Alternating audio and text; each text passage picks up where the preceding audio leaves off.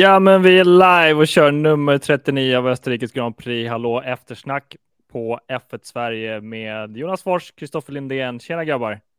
Hej! Välkommen hem Kristoffer! Välkommen hem Kristoffer! Uh, vad heter det? Kristoffer, du utsätts lite för uh, sekundplanering och minutplanering ikväll. Tack så jättemycket för att du är med och jag har fattat att du kommer.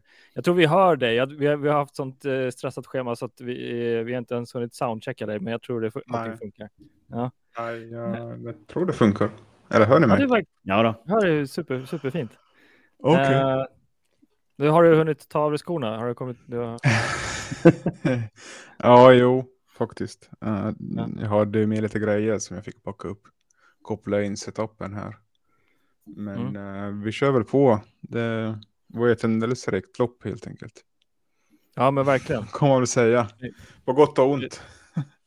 Ja, vi ska hoppa in på det ganska rakt av. Men hörni, tack till alla som, ni som kollar live. Eh, ni som är med i Facebookgruppen som kollar både på YouTube också. Eh, ni som kollar live, ni vet att ni kan kommentera. Då ser vi det i gruppen, så att, eh, eh, alltså i studion ser vi det. Så att då kan vi, om ni har reaktioner eller kommentarer så ni kan förbättra så bara skrika ut. Eh, tack till Playsit och Streamplify som är våra sponsorer. Eh, så att, och eh, speciell gäst ikväll är då Kristoffer Lindén som har eh, yrkesverksam F1-journalist. Eh, så att eh, superkul att ha dig med ikväll. Uh, ja. Hur kändes det? uh, vi, vi kör ju allting live så att allting, alla reaktioner allting är äkta, ingenting är redigerat så att uh, vi kommer pusha ut det på Spotify efteråt så ha lite det i bakhuvudet när ni, när ni tänker på kvaliteten i podden. Alla andra fuskar och klipper tycker jag. men hur ska vi bryta isen rakt på Kristoffer? Hur, hur har helgen varit generellt? Ja, alltså när det är sprint här så blir det ju mer intensivt. Helt klart. Det känns som det, det blir nästan korvstoppning skulle jag säga. I alla fall när man är på plats. Så det är liksom nästan för många moment som händer. Uh, publiken på plats är glad att det händer mycket. Liksom, mer än en träning. Men uh, för de som jobbar här så det är lite gnäll från mediakåren att det blir liksom för mycket faktiskt. Och sen också att uh, ja, fredagen liksom, fredagen är ju sämre för vi får inte de här eftersnacket som vi brukar ha efter kvalet. Mm. Och kvalet är ju ändå det viktiga, förutom huvudracet då. Så jag tycker det är lite jobbigt. Ja. Så här, jobbmässigt perspektiv så är det nog bättre med liksom standardformatet. Mm. Men det känns ju som det här är mer gjort för tv, det här sprintformatet helt klart. Mm. Vad, vad, vad sa journalistkåren rent generellt? Var det stressigt och struligt eller var, var, det, var det bara ovant eller var det någonting som gjorde att det blev mer jobb? Nej, det är väl som jag säger, den här mediatillgängligheten, att de bara finns liksom tillgängliga för F1s egna tv-kanaler. Och det blir mm. inte de här samma eftershowerna och förshowerna som det brukar vara, utan det blir lite annan, lite annan, ja, lite annan liksom inramning om man säger så. Mm. Men eh, är det ett format som du tror kommer förbättras eller stramas åt mer framöver för journalister? För media vet jag inte, men förarna verkar ju börja gilla det mer. Mm. Och siffrorna visar ju att uh, F1s egna siffror visar ju att uh, sprintformatet fungerar. Det är därför de fortsätter pusha för det. Mm. Så tyvärr är det väl något vi kommer få leva med i fortsättningen också. men uh, ja, men jag tänker ju liksom, här var det faktiskt ett bra val av banan. Man kunde liksom ligga nära och köra om och sen förstås, tack vare regnet så blev det ju en viss eh, faktor där på slutet om man skulle gå in och byta till torrdäck eller inte. Mm. Mm. Eh, alltså jag, jag, tycker faktiskt, eh, jag hoppar tillbaka lite och kommenterar först på lördagen om jag får det, för jag tycker faktiskt lördagen underhållsmässigt var jäkligt bra. Jag, jag börjar mer med att se lördag som en mini-helg med liksom sprintkval kallas det väl tidigt på lördagen och sen så senare på eftermiddagen lördag så är det ju delat ut poäng eh, med 24 varv. Och eh, jag tyckte det var ett bra racing. Jag tycker det var schysst racing. Det var, såklart är det ju inte speciellt underhållande att se Max Verstappen sticka iväg, men rent generellt utöver det tycker jag bra. Det var ju bra fighter, lite konstiga val av startdäck och grejer. Eh, så jag, jag börjar gilla lördagen ganska bra. Alltså du har ju alltid kvalet på lördagen som är kvalet, standardformatet är kvar på lördagen. Det är ju kul, speciellt i Monaco. Eh, men sen så får du ett litet mini-race. Jag vet inte, vad höjer, höjer mest pulsen? Ett mini-race på lördagen versus ett, ett klassiskt kval liksom. Eh, vi fick också. Mm väldigt bra fråga, uh, så vi kanske ska ta med den här. Men vad, vad, tycker du först? Vad tycker du Jonas? Hur, vad, känner, hur vad tyckte du om formatet? Sprint, jag är splittad till det. Det är klart att det är skitroligt med mycket racing. Men det, det är mm. som Kristoffer är inne på, så här, jag menar, tittar man på, på sporten i sin helhet så, så det är ju mer än bara vi som tittar på den. Det handlar om planering för teamen, det är, jag menar, kör två race på, på, en, på en helg så kommer dina mekaniker få jobba hårdare. Eh, mm. Föraren du sätter i bilen och kör, ja, du kan vara lite utmattad efter att du har kört ett race, för det tär mer på kroppen att köra ett race, det tär mer på huvudet och göra det än, än att köra ett kval. Um, och det är någonting man får ladda upp lite extra för att göra om det blir liksom ett två race-format och man ska göra sådana saker. Um, men sen är allting runt omkring. Jag menar, titta på de mindre teamen. Vi har ju en fråga som kommer, kommer eh, benämna det här lite alldeles mm. strax. Då. Men om du har ett mindre team så har du också mindre personal runt omkring. Det är tuffare. Du har ett race. Ett race är jättebra content, det är vi alla med på. Så när vi tittar på marknadsavdelningarna som är på teamet, eh, EOS-teamen, så får de mycket mer att göra när det är två race eh, på en helg. Hela journalistkåren som du är inne på, Kristoffer, ja, ni får ju två pressreleaser att skriva, eller liksom två artiklar istället för en. Eh, och man kanske inte får den här tiden att gå runt och prata med förarna heller, som man kanske annars hade kunnat göra efter kvalet. Att, okej, okay, men nu får jag faktiskt en chans att få min 90 sekunders slott här med den här personen och ställa mina två, tre kritiska frågor. Liksom. Och det här är också mm. jätteviktigt för förarna. Att få säga mm. sina saker till rätt media och hitta rätt mediekanaler att komma fram till. Um, för att man ska kunna synas på rätt marknader och sådär.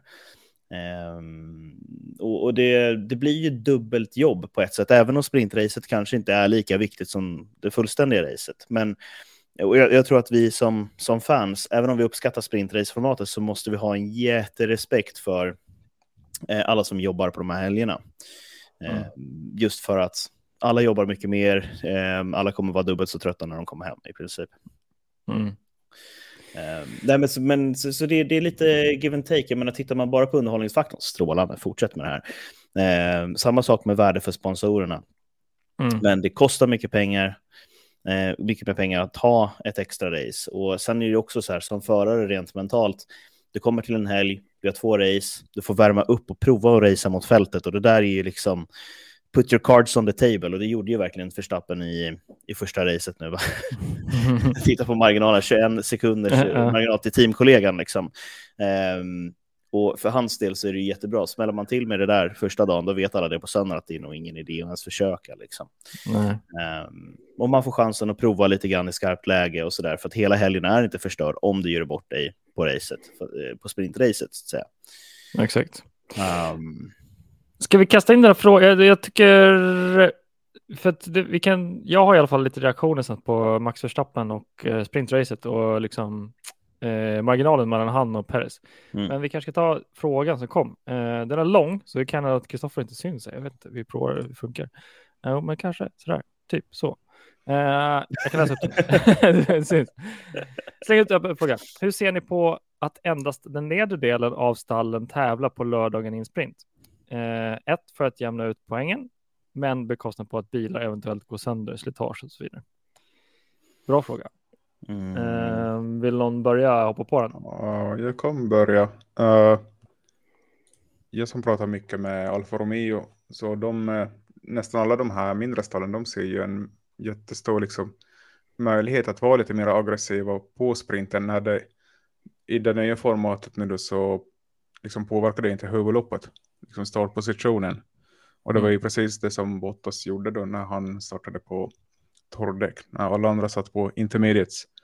Det var i och för sig inte kanske bästa valet, men startar man sist så, ja, man kan ju ha lite tur också och kanske tjäna någon poäng. Och han känner väl liksom från där, i det läget där Alfa Romeo är just nu, de borde ju ha poäng till hela topp 10 i sprinten också. För, det, för du kan ju faktiskt ladda mer och våga liksom, göra de här omkörningarna i sprinten jämfört med den förra sprinten var, var du tvungen att vara mera försiktig. Mm. Uh, jag kan, vi säger så här, uh, jag kan försöka tänka lite på den här. Endast nedre delen av stallen tävlar på lördagens sprint. Uh, först och främst måste man typ dra en, dra en linje där, vilka som är den, den nedre delen. De som inte går till Q2. Ja, okej. Okay. Säger vi om den då? typ så. Ja, Q3 i så fall skulle jag säga. Ja, liksom, Q3, Topp 10 inte Ja. kör.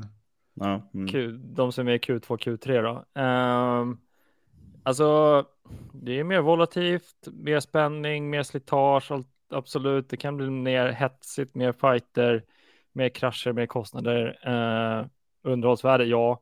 Men sen så det blir ju liksom, då, eh, det kommer ju aldrig falla in för att det är ju eh, mediepubliciteten som, kom, som utgår för eh, Q1 eller topp top tredjedelen. Eh, det är ju jättestort. De tappar ju jättemycket sändningstid och alla sina sponsorer kommer inte synas. Eh, så det kommer aldrig falla in. Men det är lite, om jag tillåter mig själv att kategorisera den här frågan in på samma kategori som kan vi inte köra med rever, rever, reverserad startordning. Eh, det är typ också en sån här, eh, en, vad ska man säga, revolutionär sätt att eh, öka underhållningen. Maybe. Oj, men jag skulle- oj, oj, oj, ja. ja, ja, okej, jag vet att jag kastar eh, bensin i elden. här, Men... Det är lite jobbigt att sätta Verstappen längst, längst bak och uh, Sargent fram liksom. Det, Mm. Den första kurvan vill inte jag vara med i. Säg så. Vi, vi skruvar det, jag vet att det, jag fattar. Det är kanske är mer relevant i en Indycar-race, men, men ja. Eh, nej, men intressant fråga. Eh, vi får in fler frågor. Fortsätt ställa frågor, det är askul. Mm, Eh, vi kanske bör göra en hel podd och ställa, ställa frågor, men vi har reaktioner vi ska också eh, köra. Jag hoppas jag fått svar på den. Vad sa du, Jonas? Ja, nej, men från, från min sida så det är eh, intressant tanke. Eh, från, från en sak till något helt annat. Jag har pratat om att vi drivit Svenska E-racingligan från, från min sida tillsammans med några partners eh, som ett annat projekt. Och där har vi provat många saker. Eh, och eh, eh, vi har haft eh, det vi har kallat för liksom last chance qualifiers egentligen, där man har tagit 20, de sista platserna som finns att ta vidare, liksom gå till final. De får tävla om det istället för kvala om det. Mm. Eh, och det blir lite samma sak där, att de, de som är lite långsammare eh, i regel eh, får köra ett race. Eh, där tävlar man inte om poäng, utan du tävlar om chansen att köra final i och för sig. Men underhållningsmässigt så blir det en liten appetizer. Man får känna in hur banan känns som de tävlar på den här helgen och vilka som är snabba, vilka som bara gjorde ett dåligt resultat och faktiskt är riktigt snabba och sådär. Ehm, och, ehm, så jag, jag är inte jättefrämmande till idén. Ehm, poängbekostnaden, alltså då hade jag ju kvalat dåligt varje helg. Varje helg. Bara för att vinna den. Och sen så uh, försöka plocka så många platser jag kan i, i det vanliga racet för att uh, even it up liksom. Mm. Ehm, men om du tänker att uh, frågeställaren här att det, det har att göra med någon form av budgettak och sådana här saker. Eh, det blir svårt för mig sportsligt att argumentera för det. Men jag tycker det är en Mm. väldigt intressant tanke. Det är en intressant tanke. Det finns ju i Indycar, liksom, när man kvalar till Indy 500 har man ju den här, liksom, vad kallas det? Last chance eller vad det kallas. Mm. När man liksom får sista chansen att kolla in till Indy 500. Så det finns ju massor med sätt att eh, samtidigt som man gör det rättvist att eh, liksom få mera fight bl- bland de lägre stallen. För det är kanske det som många vill se. Nu har vi ju en fight liksom mellan, mellan sjunde till tionde plats. Där är ju fyra stall som kommer slåss. Säsongen ut ser det ut som. Och eh, då får ju liksom aldrig visas. Så det, det är väl bara att hitta ett format där man... Sen förstås är det ju dumt om de här toppstallen inte får vara med på samma tillfälle. Det är väl det jag tänker också kommer bli det svåra, det liksom kommersiella. Att när alla stall har gått med på att man ska få lika mycket inom citat kommersiell synlighet så Mm. tänker jag där att det kan bli problem just ur den synvinkeln om inte liksom Red Bull, Ferrari och Mercedes får vara med i, i alla steg. Vad Mm, tänker du om den här tanken då? Om vi saxar? Den som kvalar etta, den får köra sprintrace 1. Den som kvalar två får köra, starta först i sprintrace 2 och så vidare. Så kör vi två sprintrace med halva fältet i varje. Det är Ja, en ja. teaser. En från Ja, varje stall. Ja, det vore ju intressant. Mm. Ja, men det är en dum idé.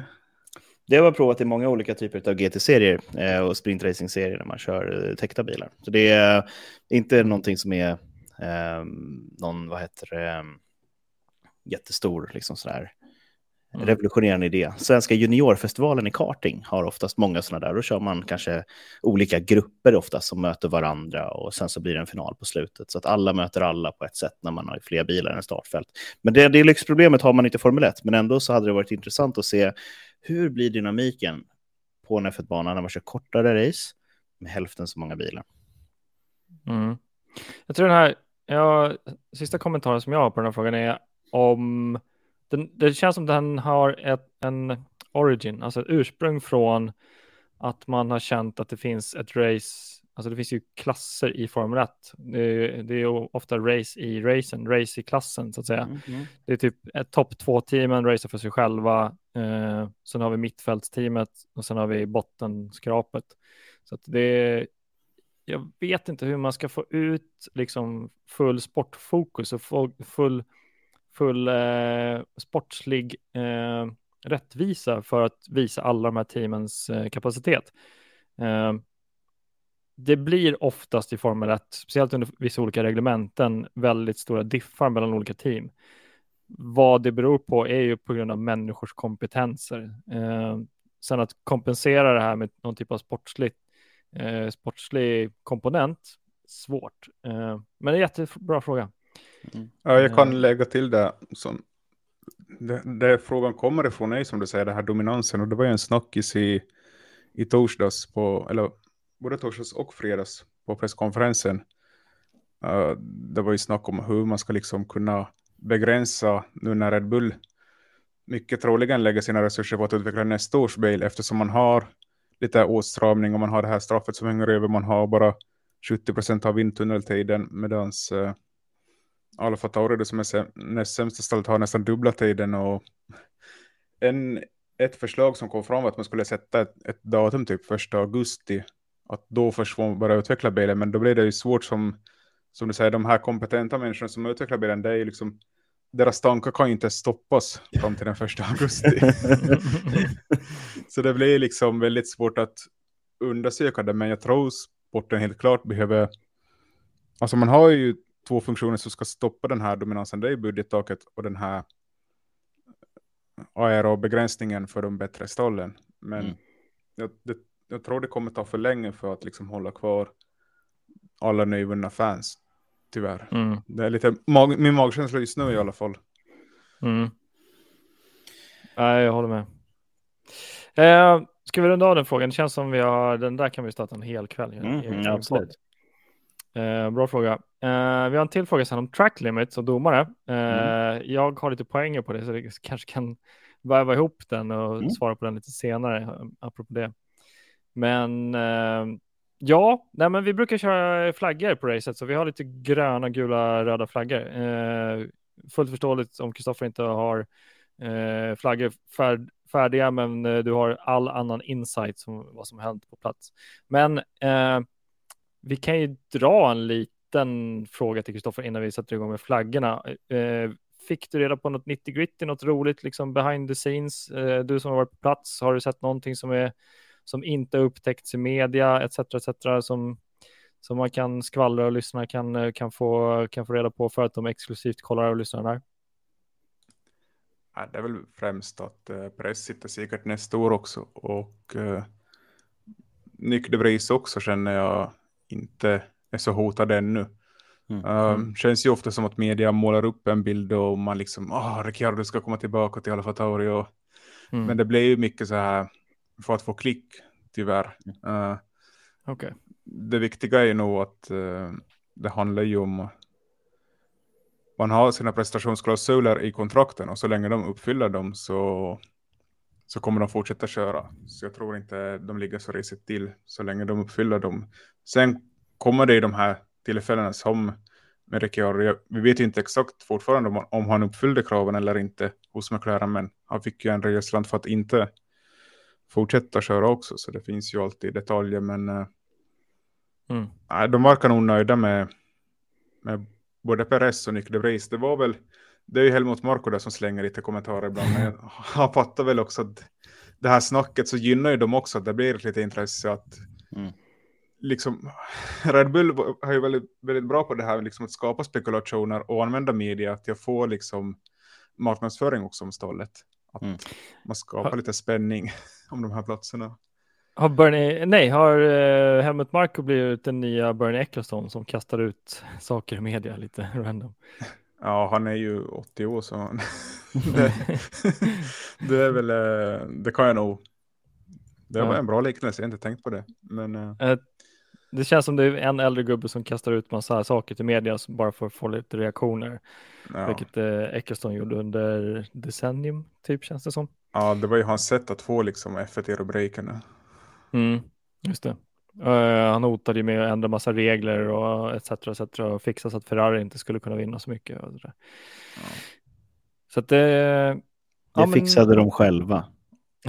ja, det gjorde de. Och på tal om det där med förare, det kom en fråga på presskonferensen om om Red Bull skulle vilja ha liksom ett dream team med både Hamilton och Verstappen för att liksom kunna toppa det man har just nu. Mm. Och eh, det är väl ingenting som det snack om just nu, men att Horner sa att de har diskuterat med Hamilton tidigare under Mm. åren, men man vet inte liksom om det är 15 år sedan, om det är Mm. 10 år sedan. Troligtvis Mm. inte sen, senaste fem åren, men antagligen någon gång och det är mycket säkert mycket diskussioner mellan stallförare som vi inte vet om. Och det, Mm. Så det är alltid intressant att höra sånt där i efterhand bara. Mm. Tror du som har varit- ut. Ja, Ja, så du som har varit nere där, eh, har det skett spekulationer fortfarande i paddocken om eh, Lewis har varit intresserad av de röda, the Ferraris? Mm, Eller vice versa, om Ferrari varit intresserad av Lewis. nej, det var inget snack om det idag. eh, Den här Men det var inte det. helgen. Mm. Nej, men eh, de frågar ju om hans kontrakt, men han undvek lite den frågan. Han bara tycker den är jobbig. Okej. Men jag, jag tror det handlar väl mer om att han vill ha något amba- ambassadörskap så lite så här, lite andra perks än vanliga kontrakt och det är väl sådana detaljer de funderar på. All right. Så det är typ bara extra perks som är kvar i kontraktet för Lewis till nästa år. Nej, Jag, jag sa inte det, men det kändes Nej, vi, kan, vi spekulerar i det. Ja, jag tror spekulerar i det. Ja. Ja. Men jag Men det- tror inte Ferrari, ja, det är svårt. Jag tror de är ganska nöjda med, speciellt efter den här helgen under, när de har fått ordning på bilen. Om vi ska snacka lite Ferrari, de hade ju Mm. planerat de här uppdateringarna till Ungern och man fick dem på bilen två helger innan och att de fungerade direkt. Det är ju liksom imponerande. Mm. Att, Du, jag för att vi har lite det som punkt va? Ja, För uppdateringar. Bland annat, eh, i alla fall jag har ju det uppdateringar på som en punkt en gul flagga till eh, Merca. Men vi kanske ska snacka lite Ferraris uppdateringar. Var, eh, var det, jag, jag kanske är ensam om att eh, poängtera Mercas. Men Jonas hade ingenting om Ferrari. Nej, uppdateringar Eh, generellt. Det är framvingen. Prata om det Ja. här, eller? Just det, just det. Man har Ehm, tittat lite grann på Red Bull och gjort lite likadant. Eh, för att försöka bygga bort lite turbulens. Eh, Som jag förstått det. så är det en av de största fördelarna med, med Red Bull-bilen just nu. Eh, Det är nästan, alltså jag tycker mig se, jag kanske har hjärnspöket nu, men det ser ut som att Ferrari-bilarna kör mer camber vänster fram än vad Red Bull-bilarna gör. Eh, och ehm, det kan påverka liksom däck- däckslitaget, det är det vi är ute efter. Att så här, över tid så går det inte lika fort, men att man måste använda andra delar av liksom, det mekaniska greppet för att kompensera för det aerodynamiska och sådär. Mm. Jag kan vara helt ute och cyklar, men Mm. eh, det är absolut inte åt andra hållet. Att de skulle köra mindre kammer. Eh, för, eh, ska vi ta det som ett uh, newbie-ämne? Camber. Kan vi Mm. berätta kort? Ja, nu har jag ju kamera så kan jag visa med fingrarna. Så här. Nej, men kamben är egentligen vinkeln eh, på, ehm, på, på hjulen. Ehm, en av alla hjulvinklar som det finns. Eh, men eh, den som går liksom om, om hjulet lutar inåt mot bilen eller utåt mot bilen eller om hjulet är, är, är rakt så att säga. Exakt. Ehm, och i regel är så, ja. Vi är inte sponsrade av, eh, av något snus, tyvärr inte, men jag kan jag ta så här. Camber, där är kameran.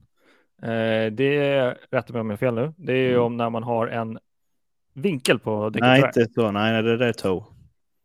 Fel av mig. Ja. Toe. Det här är Camber. Det här är Camber. Precis. Eh, tack. Och, och då spekulerar vi i att den är mer på ena sidan än på den andra. Mer, mer negativ på vänster sida. Fram, Precis. vänster fram. Vilket innebär att du får mer direktinstyrning på bilen. Ehm, tittar vi på högersidan av hjulen så är den ga- ganska neutral på Red Bull Ring och det har att göra med att det är så många högersvängar. Så det är vänster, vänster sida. Det är alltid ytterhjulen som bilen lutar sig mot i alla kurvor. Ehm, Så ehm, eh, det, där är, det där är rätt för... Ja, precis. Jo, så blir det. Om man åker liksom med dig.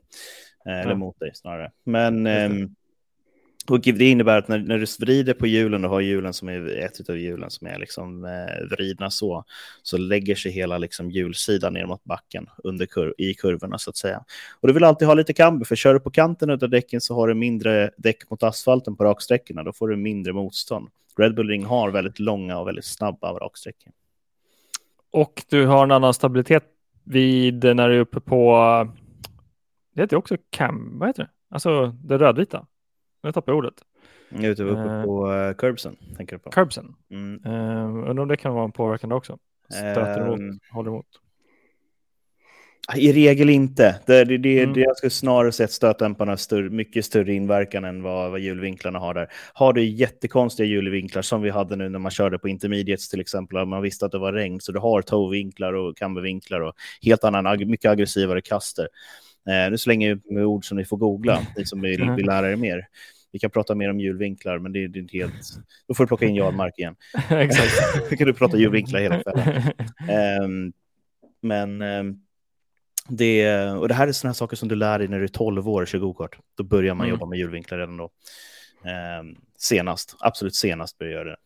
Ehm, men ehm, ju mer camber du har, desto mer däckslitage har du. Mm. Och behöver du ha mer camber för att köra lika fort som alla andra, då måste du antingen bygga om bilen på ett annat sätt eller köra bilen på ett annorlunda sätt. Eh, annars så kommer du tappa eh, overall speed. Dina varvtider kommer bli långsammare över tid. Just det. För att däcken slits mer. Då måste du göra kortare Mm. depåstopp också. Alltså kortare intervaller. Exakt right. Eh, min enda iakttagelse från helgen var att uh, Mersas paket, uppdateringspaket, apropå uppdateringar av paket, eh, i mina ögon inte riktigt nådde dit man ville att de skulle nå. Alltså det har blivit en, en stor förändring. Vi såg det första racet de körde med det. Men eh, man tänkte ändå att nu kommer ju Merca ligga på tredje plats ganska enkelt. Eh, men vi hade ändå ganska mixade placeringar. Alltså Lando Norris eh, satte sig på fjärde plats eh, och Ferrari eh, kom tvåa. Sen har vi Aston Martin igen, de ligger kvar där liksom. Sen har vi Ferrari igen. Sen har vi George Russell på racet då och Lewis Hamilton på sjunde åttonde. Så att eh, jag började tänka att med den uppdateringen som de kom som var så stor så tänkte man också ändå, ändå att nu kommer ju Merca komma ligga och pusha på tredje plats. Men eh, nej, inte riktigt.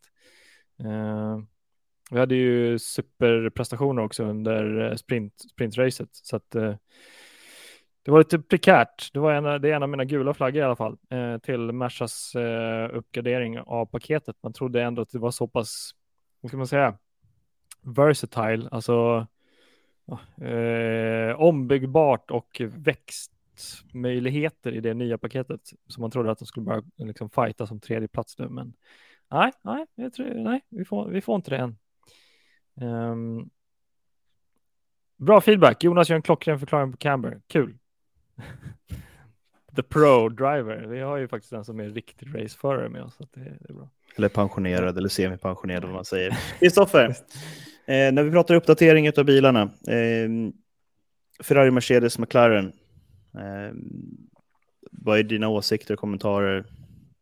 Ja, Lando Norris körde ju, han, de hade ju delat där så Piastri fick inte köra den nya bilen. Och det Mm. såg man ju ganska klart att eh, sen verkar ju Lando Norris ha någon, den här banan verkar passa hans körstil för han har ju kvalat in här som andra tidigare också. Sådär. Men eh, alltså det är svårt att liksom avgöra. Fast de sätter på nya grejer så är det inte alltid att de råkar passa den specifika banan och så här. Och, och lite om de får liksom de att passa liksom generellt på bilen också. Det är inte bara som att slänga på en uppdatering och så bara får du hundra hästar till utan det är mycket mera liksom eh, dynamiskt, om en uppdatering faktiskt gör bilen bättre. Det är ju den första frågan mm. i verkligheten. Uh, mitt hjärta står då Alfa Romeo så kommer ju med ett nytt paket till, nu till Silverstone som ska öka uh, farten i höghastighetskurvorna. Och det ska komma, för de har för lite downforce för tillfället och det är därför de har haft problem i i vått nyligen och låga temperaturer. De behöver liksom varma lopp för att uh, få igång däcken och få igång greppet i däcken. Och det är liksom sådana saker som de mindre stallen jobbar med. Sen om man tar Haas som ett annat exempel, att de får igång däcken väldigt snabbt. De har gjort en sån setup så de får liksom, lyckas ju kvala högt, men sen faller de som en sten genom fältet. Att de, den kikar ju däckbilen. Så det är mm. liksom, där har vi varandras motsatser. Alfa Romeo får inte igång däcken, Haas mm. överjobbar däcken. Och det handlar ju liksom om att hitta en kompromiss där som ger bästa möjliga resultat.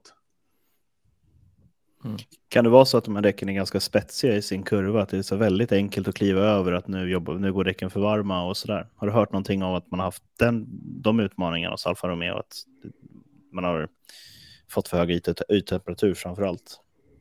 Ja. Ja, det stämmer nog. Att, uh... Och därför backar tillbaka och försöker hitta någon balans. Ja, verkligen. Det är ju det som han säger att uh, han är uh, så kinesiska förare, han är väldigt, uh, han kan mycket sådana här tech-grejer, man är liksom imponerad över honom. Han får kanske inte så mycket synlighet i, i tv och så här som alla de andra förarna, men shit vad han kan mycket om liksom sådana här detaljer. Mm. Han är faktiskt mm. väldigt påläst. Jag tycker han får för lite cred för vad han kan och vad han gör.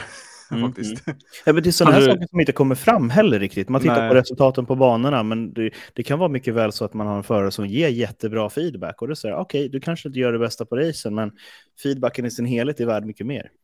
Ja, mm. verkligen. Hade du möjlighet att få kontakt med honom eller hur? Ja, han är väl lite, inte så många media. Alltså Alfa Romeo är ju ett av staden som kanske har minst mediauppmärksamhet. Jag vet inte det ger inte så många klick när jag pratar med de brittiska tidningarna. Liksom Alfa mm. Romeo är lite så här, de har ju Bottas där som är ex-Mercedes men som blomstrar lite med sina, ja, med sina egna grejer men det är inte liksom så stor upp, uppvaktning hos dem. Kan du, kan du utveckla vad han blomstrar med för egna saker? Att han gör saker ja, i teamet? Som... Ja, liksom när jag snackar med lite mekaniker hos Williams där han körde för nu, nu det är tio år sedan han körde Williams senast. Och fortfarande liksom går han och hälsar på alla mekaniker i Williams. Och de berättade att han var en av de få förarna som liksom hjälpte till att bygga upp depån och riva ner depån efter, eh, efter och liksom vissa förare som Williams har haft så så liksom kommer inte ens att hälsa på mekanikerna. De vet mm. knappt vad mekanikerna heter. Mm. Så det är mm. liksom sådana grejer som gör att uh, vissa förare kanske får vara längre i sporten än andra. Det är mm. inte bara liksom skickligheten på banan. Förstås, det är också en väldigt stor faktor, men de här små detaljerna skadar ju inte ens rykte i depån helt enkelt. Mm. Nej, men det är viktigt att liksom ha relation med alla människor också, för du vet aldrig vart någon tar vägen. Liksom. Det, är vi, mm. det är väldigt få som börjar på, på rollen teamchef. Liksom.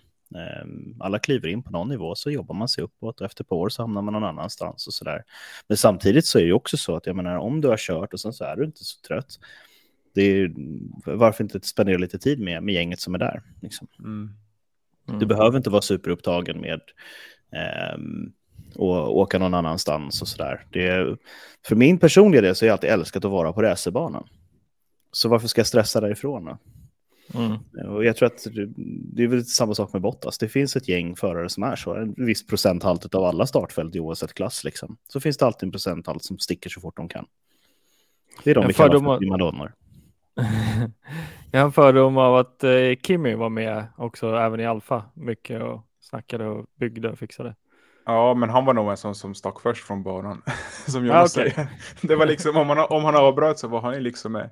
De mm. liksom körde inte ens färdigt loppet, men så var han, hade han lämnat. Men, Fair enough.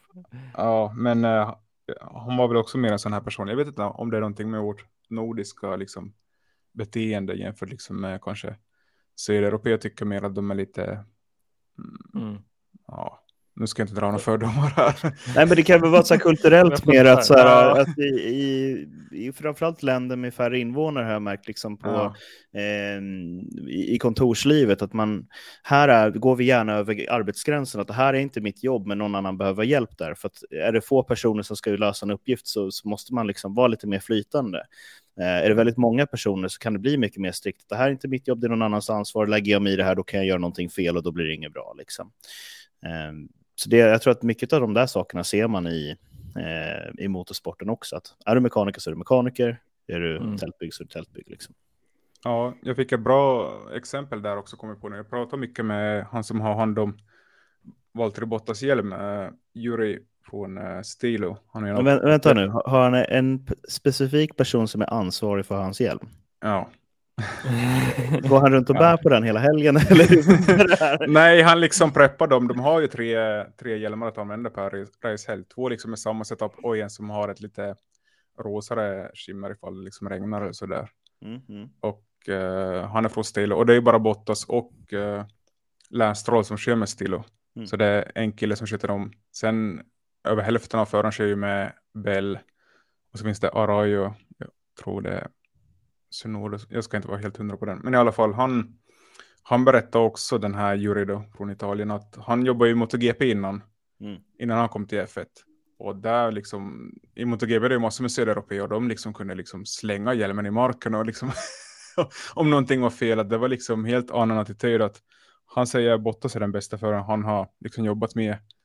Mm. Han känns mer som en kompis än en liksom, än bara någon arbetskollega. Mm, mm. Så det är sådana små detaljer också som man inte ser. Och, eh, ja. och sen en, intressant sak där med, med regnet att du kan, han säger också att du kan ha max tre, fyra före du har hand om. För när du regnar så det blir svårt att hinna, hinna preppa allas hjälmar när det blir blött. Mm.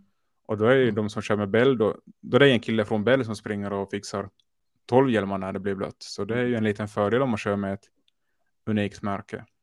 Mm.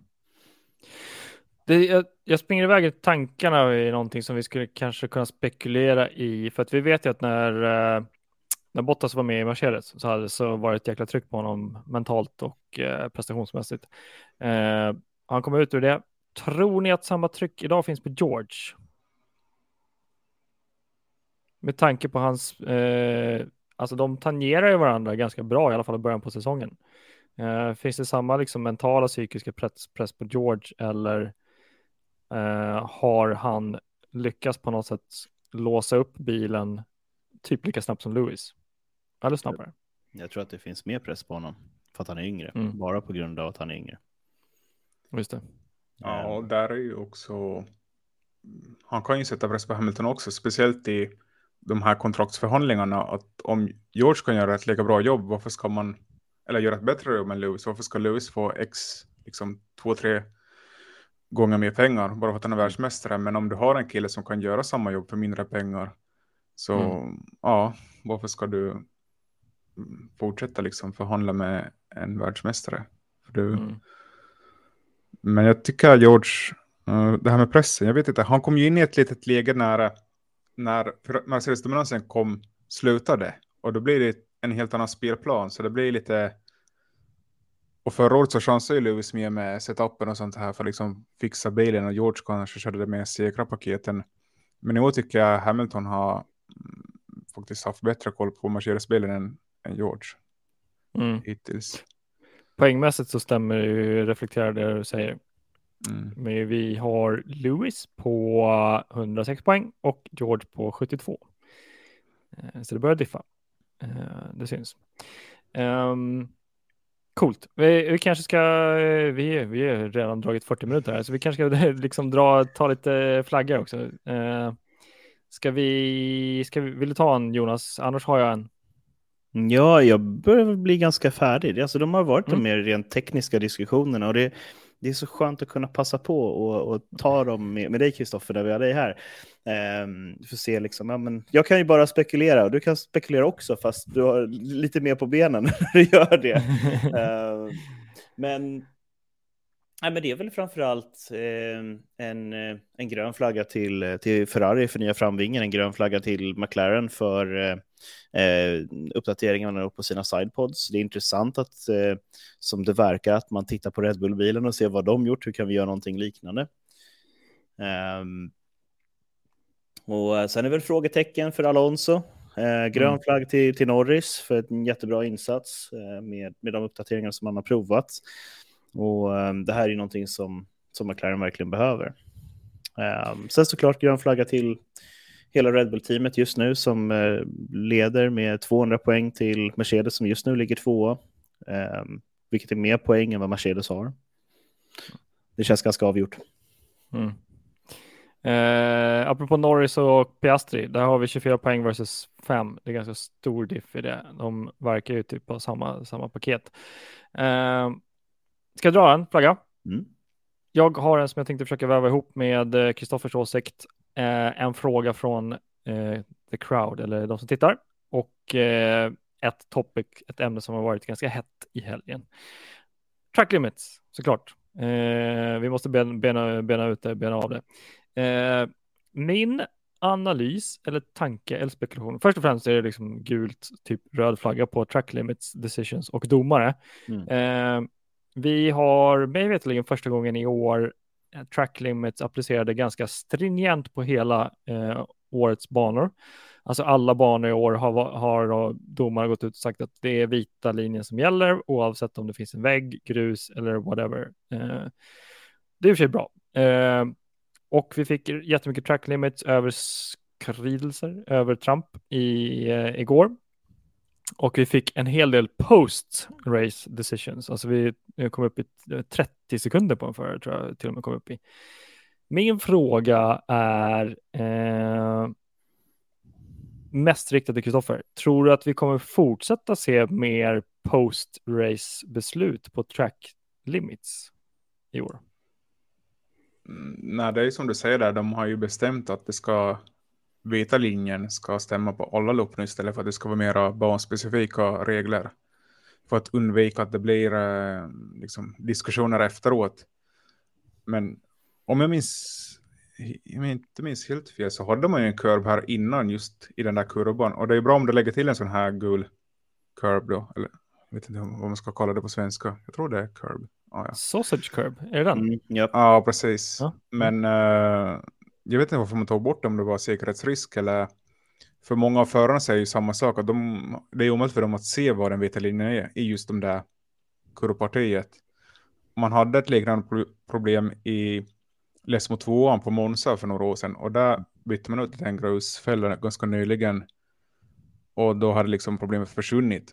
Men eh, problemet är att arrangören på Red Bull Ring vill ju inte sätta det i en grusfälla för man kommer köra mot GP där nu om är det tre, fyra veckor bara.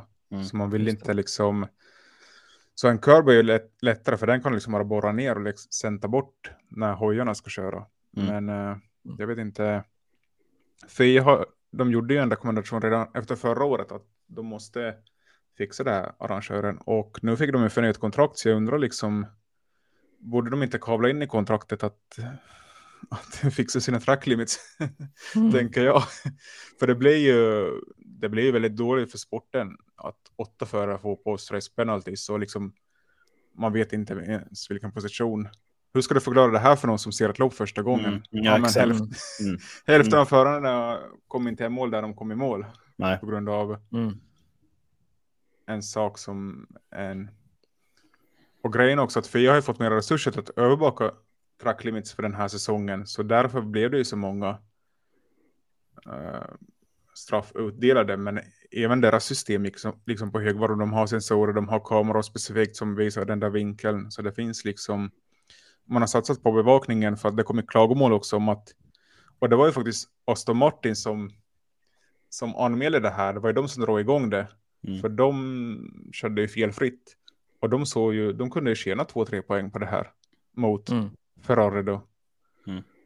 Så ja, det är typiskt så här Formel 3-spel. Men det blir förlängningsproblemet om Aston Martin håller sig innanför alla track limits och så tappar de två, tre tiondelar per varv uh, under 71 varv. Ja. ja. det är sekunder alltså. Och det är, Ja. Eh, Det, det är ju där som det blir lite knepigt. Jag menar, har jag någonsin hållit mig till track limits? Aldrig i livet. Självklart inte.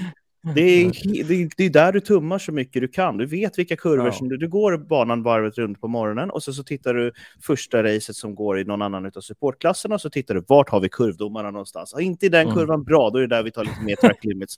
Och det, det, det är det här som är liksom, eh, mitt svar på frågan, borde inte domarna vara med på hugget under racen när det gäller till att dela ut bestraffningar för track limit? Och sen är det ju det där, ligger du halva hjulsidan över på någonstans så vet du det att ja, men det här är en halv tiondel. Eh, över ett race så kommer det vara en halv sekund. Jag vill ha den halva sekunden. Och det är jobbigt för domaren som står i kurvan. Ser jag verkligen det här? Eh, då Mm. vill de gärna titta på kamera. Ehm, och tittar de på kamera då blir det ju någonting i efterhand. Ehm, Mm. Och sen vet jag det att börjar jag, börjar jag tjuva lite grann på mina track limits då kommer bilen bakom göra det ännu värre. Så att jag Mm. kommer inte få en protest för då kommer en motprotest på han bakom. Och det har jag koll på min backspegel. Och det är de här killarna också, även om det går i 300 blås på rakerna. Så det är, Mm. men det, är det som är, är det stora problemet som jag skulle säga med det här. Att det är så här, tjuv och rackarspel såklart. Någon håller sig innan limits för att de har planerat redan från början att lägga protester. Tror jag. Mm. Ja, Den här är lite intressant. Vi, jag tror att Lewis var ju den som, eh, klagade mest på det under racet i alla fall. Han liksom bad folk att, eh, och Toto Wolff gick ut på radion och sa att Nej, men, Don't worry about it Lewis, they will also get penalties. Eh, men jag har inte i huvudet om det var just de som var framför Lewis just då som fick eh, penalties. Men Ehm, som svar på frågan, borde domarna vara mer på hugget? Ja, och jag har också hört kommentarer om att eh, på bivägar att de, de mäter track limits med eh, digitala medel idag. Eh, så jag tror inte de bara har eh, post-race-kameror och personer som kollar, utan de mäter också med jag vet inte, 17 om det är en GPS-centrum i bilen så kan du ta liksom en bredd på den och så har du svaret. Jag har ingen aning om hur de gör exakt. Eller om de har sensorer i däcken, ingen aning. Eh, men jag tycker att det är Formel 1. Jag tycker att de borde kunna vara bättre på det här att göra under racet. Jag tycker de borde göra det digitalt också. Eh, och sen så här, om vi får förare som fortsätter att bryta track limits, sätt ett högre straff, för då kommer de ju sluta med det. det är, eh, eh, uppenbarligen räcker ju inte straffet med 10 sekunder. Det, ja, men dubbla det då. Sätt 20 sekunder som måste jag ska säga, måste vet du, göras direkt utan att det påstopp, utan då är det så här in nästa varv, du ska stanna 20 sekunder. Då kommer ju förarna sluta nyttja track, track, alltså köra över. Så att det är väl, jag tror det är, det är som med alla lagar och regler, om det är för litet straff så kommer fort, folk fortsätta hålla på med det. Eh, höj straffet, då kommer folk antagligen sluta med det. Hög asfaltskant och sen så grus. Så du slår sönder Ja. golvet, så kostar det en 80 000 euro istället. Minst. Ja, då kommer liksom den klassiska liksom, puristen och så bara sätt grus överallt. Mm. Eh, så det finns ju en poäng med det. Eh, men det kostar jäkligt mycket att bygga om alla banan till grus. Eh, så jag tror, jag tror mer på digital direkt bestraffning och hårdare bestraffning. Att eh, det kommer direkt. Eller vilken, Ja, Kan- sätt, sätt en smygpunka direkt de kör över track limit. jag tänkte också det. Sätt, sätt en liten, vad heter det? Spik. Bara sätt spikar, inga problem. Fota en, eh, en landmina som är för långt ut så bara poff, så, så spräcker det däcket. Eh, lite penalism på, på riktig, riktig penalismkultur. Ja, ja. Eh, Ja, vi får se hur de kommer lösa det. Det blir intressant att se fortsättningen. som, som en kommentar här, med andra Ja. ord, återinför stop and go penalty for track limits. Why not? why not? Det är, Det- handlar väl ka- kanske inte för första, men ehm, efter x antal. Alltså en varning och sen så är det in och stanna. Eh, jag tror att man får... För jag tror att steg nummer ett är att man måste lära om. Och jag tror också att är man hårdare på track limits i Formel 3 och Formel 2, då kommer man lära om en ny generation förare. Så jag tror att det är mycket det också. Ehm, Mm. Ja, för Nej. vi som har kollat lä- länge på Formel 1, vi kommer inte ihåg det här med track limits. Det var ju något som har funnits kanske eh, knappt tio år om ens det. ja, Det var absolut. ju, det var ju nästan skulle jag man... säga. Fettel-generationen. Det, Det är ju Mm. typ när man började köra på Red Bull Ring, det är ju, för på den banan blir det väldigt eh, märkbart. Det finns några banor till. Men det känns som de, det började komma när man kom till Red Bull. Mm. Red Bull-banan helt Men, enkelt. men jag, jag tror också, det är lite generation, men, men också att det varit fler och fler Tilke-banor som är mer asfalterade och asfalterade avåkningszoner och sådär. Så det, Eh, kör du Jonas. jag var färdig. Har du några fler flaggor? Eh, jag har inte så mycket fler flaggor. Jag tror det är liksom lite rant sånt det där om att det börjar bli tråkigt med att Max hela tiden vinner. Det är femte raka för Max. Eh, hur kul är det? Inte Det är sagt i fem år med Lewis i Mercedes, men Exakt. Eh, det är tråkigt när vi har en så dom, som är så dominant. Det har jag sagt under Lewis tid också. Det är jättetrist. Eh, men det är väl ingen mer med det. Det, vi- det. Man kan inte snöa in sig på det mer än att, ja, kom igen, resten av tiden. Eh, sno lite från Red Bull nu. Fortsätt sno design så vi kommer, kommer igång. Och där blir problemet att Aston Martin var ju starka i, i början av säsongen. Nu hade de lite problem för deras bil så är det lite svårt att anpassa på den här typen av banan. För i höghastighetskurvor vill du ha en ganska låg bil och sen i långsamma kurvor du ha en lite högre bil. Och just på den här banan har Aston Martin svårt att hitta en balans mellan dem där. Och nu går ju Mercedes in och Ferrari in och plockar poäng av dem. Så det blir ju Red Bulls liksom övertag ökar ju bara när Ferrari, Mercedes och Aston Martin slåss med varandra. Och McLaren är där nu också var och snodde en, en bra, bra höga poäng från dem. Så det blir ju Mm. liksom, det hjälper ju inte på det sättet. Nej, det som jag ser intressant att följa den här säsongen är framförallt eh, Alonso Perez Hamilton. Eh, den kampen. Ehm, och, ehm, jag har en grön flagga till och det är till Pierre Gas- Gasly. Jag vill bara lägga den på bordet här innan vi är färdiga. Han körde jämförbara varvtider med, eh, med både Russell och Hamilton. Ehm, och det säger väl kanske någonting om, som du säger, ja, gul flagg till Mercedes uppdateringspaket, men kanske också någonting om, om Gasly. Som du, Kristoffer, markerade för redan innan säsongen började, när vi pratade med dig första gången, att eh, det finns någonting i honom. Ja, det där Eh. kommer inte ens jag ihåg. Men, men eh, får jag ta en flagga själv? Ja, Eh, absolut. ja men herregud. Ja, ni såg ju säkert det här investmentbolaget med Ryan Reynolds i spetsen som köpte 25 procent av Alpin här. Mm. eh, för en två- 200 miljoner dollar. Det är en ganska saftig summa. Eh, jag är lite rädd för att det kan bli en F1-bubbla snart. För de här stallen är väldigt högt värderade. Men det jag bara känner att det bara finns en liten risk att är de för högt värderade nu när de säljer av andelar, förstås stallen ser ju sin möjlighet att liksom fortsätta göra sin business med mindre pengar om de får utomstående investerare. Men den kommer investerarna inte få sin utdelning som de hoppas på. Mm.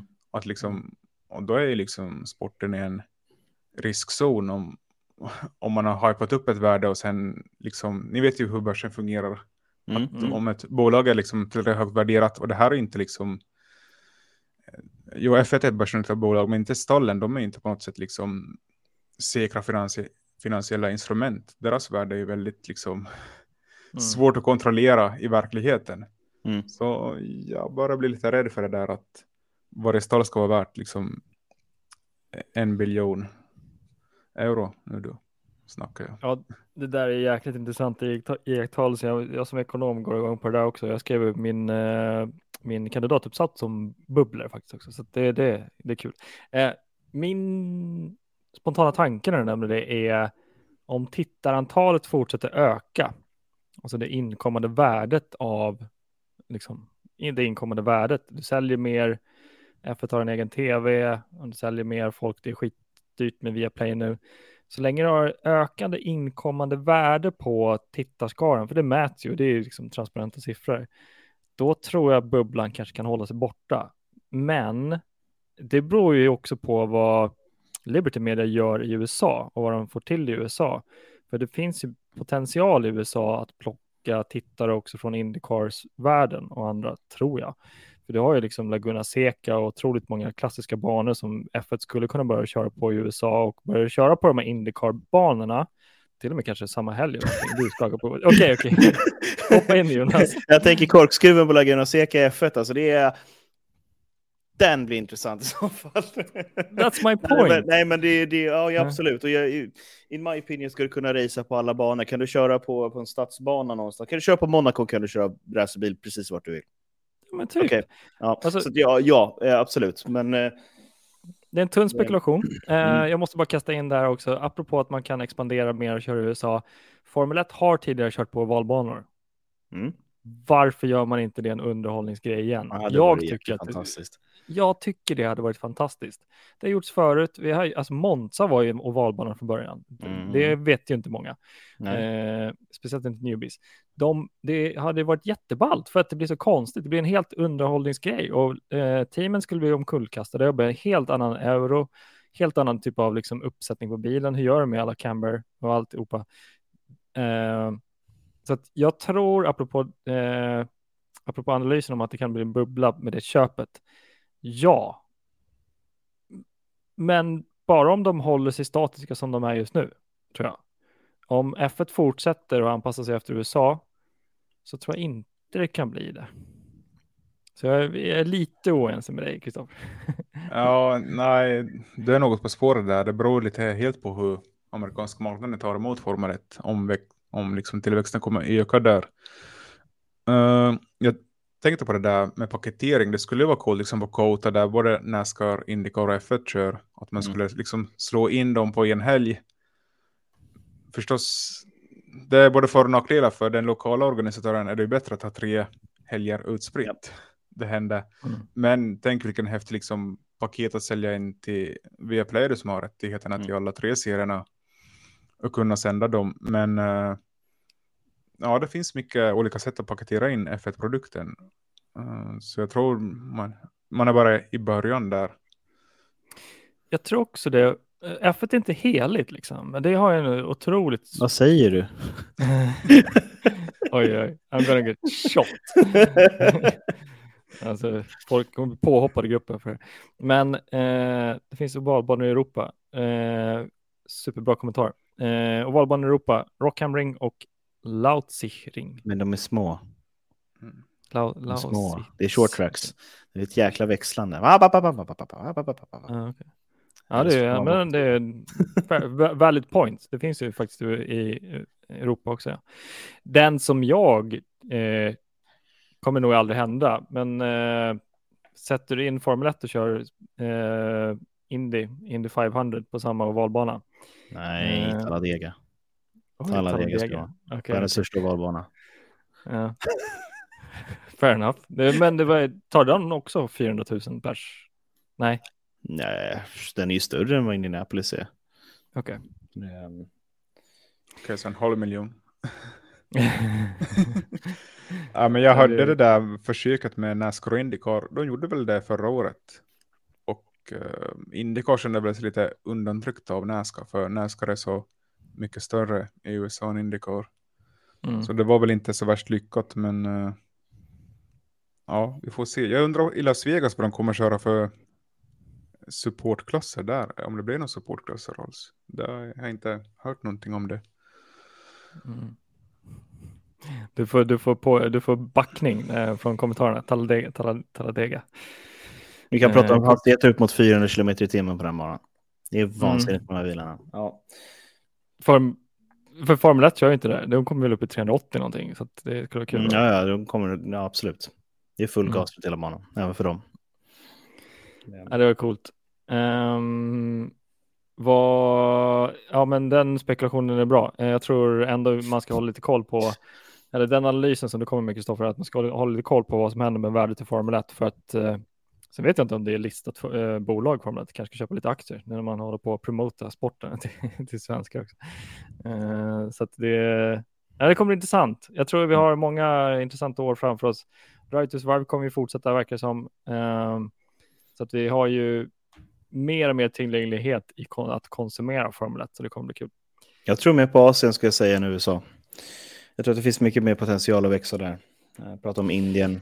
Eh, Kina har man gått till och från, till och från, till och från. Eh, och, och sådär. Men eh, Mm. vi har fått ett bra fäste i Mellanöstern just nu. Och Just det. eh, det. Det, kan man tycka vad man vill om och sådär.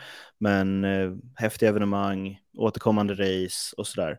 Och det är, det är det här som jag är öppen för att försöka tillgängliggöra sporten för alla. Det finns Mm. banor i Afrika också som man inte tar sig till och kör på. Det skulle vara kul att ha ett race i varje kontinent faktiskt. Absolut, i ett Eh, VM. Ja, exakt. Jag vet inte om Sydamerika har. Jag är dålig på Brasilien. Sydamerika. Ah, Inte Lagos. Åh, herregud, Ja. Eh, det är måndag och sent. Eh, På tal om eh, Asien, de har ju kollat på kalendern ut för nästa, nästa år. Och man kommer liksom köra ihop, eh, man kommer liksom köra lite mer. Jag tror premiären skulle vara i Mellanöstern på en lördag natt, för det kommer vara Ramadan då. Så det kommer vara typ bara in och sen Saudiarabien. Sen skulle man väl åka till, var det Japan och Singapore redan Mm. då efter för att liksom Okej. det var någon sån här, det är bara spekulationer, men att man skulle göra dem mer kontinentala som det var innan och man skulle slippa de här liksom flyga från Europa till bakåt till Kanada och till Mm. liksom Azerbajdzjan till Kanada. Det är ju en väldigt konstig liksom, speciellt när man gör den back to back. Det är liksom helt sjukt. Andra sidan jordklotet. Så det finns ju potential helt klart att liksom mer, som ni säger, man flyttar cirkusen till en viss del av världen så kör man en palop där i närheten och tar den vidare. Och där är ju klart Afrika också en potentiell kandidat. Uh, Afrika skulle jag säga igen. Det hade bara varit kul att eh, de, eh, de, att de skulle faktiskt föra in, in någonting där igen. Det skulle, jag tycker det saknas lite. Det är ballt. Potentiella Ehm. länder tänker jag Sydafrika, Nigeria. Mm. Ja, det har varit Ehm, supercoolt. mm. Jag tror vi börjar få eh, slut på flaggor och eh, det känns som vi har eftersnackat Österrikes va? Vi kanske ska spara folks öron och eh, en sen kväll när alla hakar på och kollar live. Det är askul. Eh, så att vi rundar väl av, eller? Har ni slutkommentarer? Jo, nästa race, herregud, eh, Silverstone. Eh, kort reaktion. Ser ni fram emot det? Mm. Ja, Mm. Bottas kommer ha en specialhjälm, McLaren kommer ha en speciallivery. Det är lite så här. Just det. Det är ju ganska bra bana, jag tycker det har blivit väldigt bra lopp de senaste åren. Max Verstappen har aldrig vunnit där. La. Toto, Toto Wolf sa att eh, om det var ett lopp han skulle nämna att Mercedes kommer vinna så är det på Silverstone. Så Mm. jag tror deras bil kommer passa bra här. Så ska ni lägga en slant på någon så ska ni lägga på en, på att en britt vinner på söndag. Mm. Norris eller? Ja, det Ja, finns tre britter. Ja, exakt. Ja, exakt. Nej, det ska bli kul att se Silverstone. Eh, det kommer ju nu i helgen, eller hur? Om jag minns rätt. Ja, Det blir superkul. Um, hörni, ska vi tacka för oss? ja. Jag tycker det är Ja, dags för. jättekul att man fick vara med. Superkul. Eh, tack till alla som kollar, kollar live, ni som hänger i gruppen. Eh, tack till er som lyssnar på Spotify eft- efteråt. Rata gärna Spotify om ni vill det. Eh, vi skulle tycka det var kul. Eh, Får jag, får jag pusha för min eh, YouTube-kanal? Jag har haft med en kamerakille hela helgen som har filmat allt vi får filma. Vi får inte filma Ah, liksom bilar och sånt, men det kommer nog komma ut här i veckan. Eh, kanalen Så. heter C- CL Motorsport. Elmotorsport. Jag sätter ut en sån här så att folk eh, ska se. Bam, Ja. bam, bam, bam. Elmotorsport. Eh, sök på YouTube. Så det finns redan två, en från Belgien förra året och en från Race of Champions i vintras. Men nu gör vi en till och den här gjorde vi på engelska för att se lite reaktionerna om det blir lite mer spridning på grejerna. Mm. Ja, men eh, superkul. Eh, det måste vi folk in och följa. Alltså du är ju fristående reporter så att det är självklart att man ska in och kolla. Ja, vi fick, vi fick ju lite, lite skit om det där här i gruppen i veckan, men eh, ja, Jaha. Ja. ja, nej men det är ju fo- folk som gnäller på betalvägg och så här, men det är ju lite konstigt att, eh, ja, jag vet inte varför det är så jobbigt att folk vill promota det man jobbar med. Liksom, ni betalar ju också med era data när ni går in på en läsa, liksom motorsport.com och läser gratis, så ni ger ju bort någonting annat istället och ni ser deras reklam, så det är ju ingenting är ju gratis i slutändan.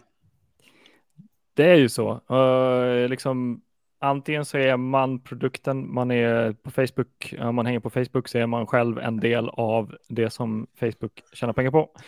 Uh, och i de mindre medierna som är lite mer kvalitativa medier så får man pröjsa själv med plånboken. Eh, och det blir liksom enklare då att göra ett beslut. Så alltså har alla fullt mandat att scrolla, scrolla förbi. Man måste inte ja. reagera liksom. Ja, eh. precis. Men eh, det, är inte, det är inte så lätt det här att, att åka runt som frilansjournalist. Bara att liksom ta sig till F1 var en stor grej och sen liksom, ja, ja men vad fan. För jag pröjsar liksom för alla resor och liksom boende och sånt själv. Det, jag får ju bara betalt för det material jag levererar. Så på det sättet, ja. Mm. Det är vi, inte vi, så kul alltid.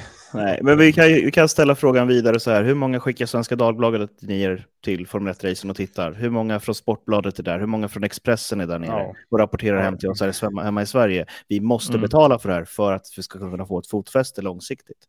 Ja, det här är inte en fråga som jag bara har drivit här och nu, utan det här har jag stått liksom på barrikaderna för sedan 2009. För att, okej, okay, vart tog alla reporterna vägen? Varför slutar ni följa sporten som jag älskar? Mm. Um, och, alltså det, så det, man, man ser ju det, folk i gruppen som kommenterar att ja, men det är konstigt att de inte rapporterar på SVT eller på TV4 Nyhetsmorgon eller på nyheterna när det händer någonting stort i, i racingen. Men det är ju faktiskt ett sätt att göra det är att stödja de mindre små mediebolagen och journalisterna som dig och då får man ju ett större publicitet kring det så att det finns en business i det.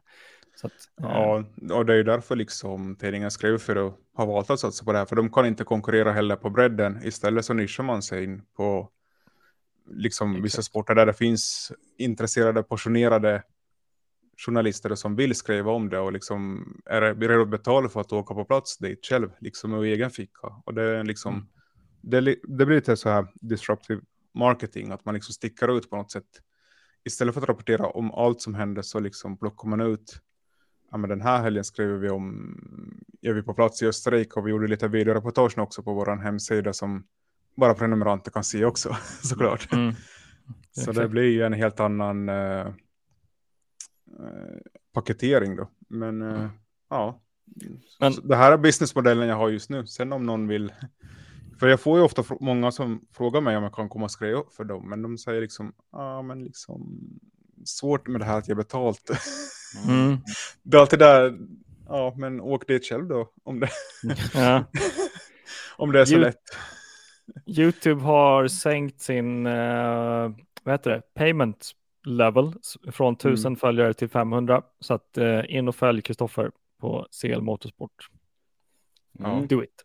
Och, och dyker upp någonting i, flödet som ni tycker är irriterade av, klaga inte till Kristoffer. Skicka ett mejl till SVT Sport istället. Så säger ni, kan ja, inte betala den här killen för, för, för, ett par artiklar per år. Så, uh, så jag slipper jag, så orkar, jag, slipper jag se paymentbollen hela tiden. Exakt. Ge Kristoffer pengar nu så att, vi, så att han kan sprida det gratis. Ja. Bra. Ska vi, ska vi nöja oss? Det tycker jag. Ja, Tack tills till... nästa gång. Ja, tills nästa gång. Tack till er som har lyssnat. Tack till er som är med och kommenterar. Det är jättekul att ha folk som kommenterar live. Eh, tack till Placeit, Streamplify, till Jonas Fors och speciellt tack till Kristoffer Lindén. Vi syns i Facebookgruppen. Det gör vi. Hej då! Ha det fint! Hej då!